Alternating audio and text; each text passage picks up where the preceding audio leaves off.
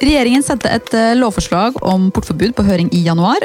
Det har fått eh, mye motbør. Og så ble, mm, ble det oppdaget mutantvirus eh, i Follo. Og da begynte alle å snakke om portforbud og stille det spørsmålet er det det som kommer til å skje nå. Men hva vil et portforbud gå ut på, og hva skal til for at det kan innføres? Dette skal vi snakke om i dag, Anne Kjersti Befring, ekspert på helserett. Velkommen. Takk. Men først, hva syns du om dette lovforslaget som regjeringen har kommet med om portforbud? Eh, jeg syns det er litt uh, uklokt, uh, hvis jeg skal være helt ærlig. Altså, det er egentlig to forskjellige elementer i dette forslaget. Det ene er et uh, oppholds-forsamlingsforbud, og det andre er et slags utgangsforbud. Og, ja, ok, Kan du si litt mer om det? Ja, altså det, Forslaget inneholder begge deler. Og, og det er jo snakk om da å få en hjemmel som er midlertidig Eh, som bare skal gjelde under covid-19-pandemien. Eh, og de begrunner det veldig godt, eh, og det er mye bra i dette høringsnotatet. Men utformingen av lovteksten og begrepsbruken må de se nærmere på. Ja, Hvordan da, tenker du? Jeg mener at det er, måte, det er helt uaktuelt å innføre et, et alminnelig portforbud under covid-19. Jeg kan liksom aldri tenke meg at vi kommer i den situasjonen, men det som kan være aktuelt, det er å regulere et eh, oppholdstilbud, for, forsamlingsforbud, sånn som de har gjort både i Sverige og Danmark og alle andre land, og et um, utgangsforbud med en del begrensninger. At det gjelder f.eks. en del av landet hvis denne muterte varianten sprer seg og at det er en god del unntak. Og da tenker jeg Her har vi mye å lære av andre land og, som er litt foran oss når det gjelder spredning av den muterte varianten. Men hva, hva innebærer et portforbud? Hvis, eh, hvis, det hadde blitt, eh, denne hjemmelen ble innført, da, og, og, det ble aktuelt f.eks. her i denne østlandsregionen eh, hvor dette muterte viruset holder på, hva vil det si for oss? Ja, altså Sånn som forslaget står nå, så er det jo rammet inn sånn at du kan f.eks. ikke bruke det dersom det ikke er nødvendig, dvs. Si hvis det ikke fungerer effektivt mot smittespredning. Jeg ser at noen mener at eh, man kan bruke denne hjemmelen nærmest uavhengig av grunnvilkårene i loven. Det går selvfølgelig ikke. Eh, og man må foreta en forholdsmessighetsvurdering, og så skal man gjøre unntak fra, når det gjelder enslige og barn osv. Så, videre. Så det ligger en del eh, begrensninger i hjemmelen sånn som den er. Men eh, det jeg tenker må komme tydeligere fram, da, det er eh, Og det står for så vidt i forarbeidene, så her har du også et spørsmål igjen da, om forholdet mellom lovtekst, altså hjemmelen, og forarbeidene. At det kan være aktuelt å, å ha et utgangsforbud med en god del unntak ja, og utgangsforbud det er altså sånn at man ikke kan gå ut når man selv lyst til ja. ja, gå ut av hjemmet. Mm. Ja, I en kort periode. Eh, her er det regulert inntil 21 dager, men da må det være en god del unntak fra det. Eh, og jeg vil jo tenke at den engelske modellen da, eh, kan være verdt å se på. Eh, hvor man gjør unntak. altså Man kan gå ut for å gjøre nødvendige ærender og for å gå på skole osv. Den nederlandske portforbudmodellen den har jo skapt mye støy og virker litt mer statisk. For der er det sånn at man ikke kan forlate hjemmet mellom eh, det tidspunktet og det tidspunktet. Altså et portforbud som er knyttet til bestemte tider på døgnet. da. Men her, når det gjelder utgangsforbud, da, det å ikke få lov å forlate hjemmet, så er det veldig mange varianter, og man må vurdere veldig nøye hva som fungerer effektivt for å begrense smittespredning. Eh, og jeg er ikke i tvil om at eh, befolkningen vil akseptere å være mye hjemme i en kort periode dersom de er omgitt av dette muterte viruset, og forutsatt at de kan gjøre nødvendige egner og komme seg ut i marka, f.eks. Som ja, fem professorer har, ja. det er fem professorer ved juridisk fakultet har jo eh, gitt et veldig konstruktivt innspill eh, om at det må flere unntak til. Eh, det jeg reagerer på, er jo Eh, begrepsbruken, eh, og som legger opp til den retorikken som jeg har kritisert, nemlig at vi hele tiden sammenligner oss med autoritære regimer. Eh, Dvs. Si regimer som under pandemien gjør fint lite for befolkningen sin, men som, har, som misbruker makt for øvrig. Da. Og dette forslaget altså Når de bruker begrepet portforbud både om et oppholdsforbud og et utgangsforbud, så er det litt forvirrende.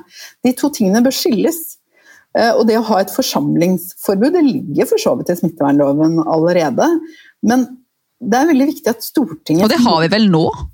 Altså, ja. Vi skal jo ikke møtes mer enn eh, Vi skal jo ikke møtes, egentlig. Punktum. Nei, også det å hindre store forsamlinger, ikke sant. Eh, og, og dette har man i ordningslagene i, i Sverige. i, i andre kapittel paragraf 10, og man har det i epidemiloven i, i Danmark i paragraf 6, og, og, du har det stort sett i alle andre land. Så det er ikke noe oppsiktsvekkende. Dette med utgangsforbud det vurderes jo nå i flere land. og og man bruker det for å unngå at helsetjenesten knekker sammen. Og det har den jo gjort nå i mange land, både i Irland og i Portugal. Eh, og det skaper jo en veldig alvorlig situasjon, ikke bare for de som er rammet av eh, covid-19-sykdom, men også for alle andre som trenger akutt medisinsk behandling. Blir jo stående og i ambulansen og kommer seg ikke inn. Da. Men er det et forskjell på altså, En lockdown er jo også veldig hva skal jeg si, inngripende tiltak og veldig sånn um, Den gjør jo mye av det samme, men du har den bevegelsesfriheten at du kan gå ut uh, når det passer deg. Uh, hvis, så, så, lenge du følger alle, alle tiltakene, da. alle påbudene og anbefalingene osv. Så, videre. så er det egentlig sånn at portforbud vil gi noe mer enn det, det vi har nå, f.eks. Som er veldig effektivt. Det er et veldig godt spørsmål. og og det spørsmålet reises av fem professorer på mitt institutt i, i høringssvaret. De har jo gitt et veldig fyldig og god høringsuttalelse. Um, og jeg tenker det jo Det er jo en helt sentral um, problemstilling når man skal vurdere altså både om det er behov for hjemmel, og om hjemmelen skal brukes. Uh, om det er nødvendig og forholdsmessig, eller er det tilstrekkelig med den nedlukkingen vi allerede har fått en del erfaring med. Det, den vurderingen må man gjøre. Eh, hva tenker du, da? Nei, jeg, jeg tenker at uh, uh, dette kan være et uttrykk for at departementet har fått kritikk for bruken av de hjemlene man allerede har. Altså jeg ser jo under pandemien at det er en dublering. Altså vi har jo fått dobbelthjemler for ganske mye. Og det tror jeg også skyldes at man blir for kritikk for manglende hjemmel. At man vil ha en veldig tydelig hjemmel for å kunne regulere det å gå ut. Da. Men dersom man skal gjøre det, så må det rammes inn enda bedre, tenker jeg, enn det som ligger i forslaget. Både med hensyn til eh, hvor den skal kunne brukes, altså når den skal brukes. Altså det ligger jo for så vidt i Er det nok med nedlukking, så kan du ikke bruke den. Eh, og at det må være nødvendig unntak fra, fra regelen for å gjøre den forholdsmessig. F.eks. For at du skal kunne gå i marka Eh, når du ikke har sosial kontakt. For det er jo det man vil forhindre med dette. Det er all sosial kontakt, fordi det muterte viruset smitter mye lettere enn det vanlige viruset, som også er veldig smittsomt. Ja, og det er eh, altså, Bevegelsesfriheten det er jo en menneskerett, eh, men man kan gjøre inngrep i menneskerettigheter dersom altså det er forholdsmessig og nødvendig. Og det er, da disse, det er da vi hele tiden snakker om dette. Er det nødvendig? Er det forholdsmessig eller proporsjonalt? Hva, men hva skal til for at det kan være det, da. Ja, ikke sant? Det er jo disse menneskerettighetene som du er inne på, og hvor retten til liv og retten til helse og beskyttelse av helse, altså i FNs eh, konvensjon om økonomiske og sosiale og kulturelle rettigheter i artikkel 12, som er tatt inn i menneskerettsloven paragraf 2, så står det at du har en rett til beskyttelse mot epidemier. Og nå er det ikke bare en epidemi, det er en pandemi. Og ved en pandemi så har Norge et eh, solidarisk ansvar overfor andre land å prøve å bremse smittespredning. Det er ikke bare hensyn til vår befolkning, men også til andre land. Og et veldig viktig hensyn som eh, ofte utelates når man snakker om dette, det er jo eh, at man ikke skal sprenge kapasiteten i helsetjenesten. Det er jo det som er grunnlaget for portforbudet i England og i Nederland og i Frankrike og i Tyskland og Belgia og Spania, alle steder hvor det er demokratiske land som har innført portforbud i en eller annen variant. Da.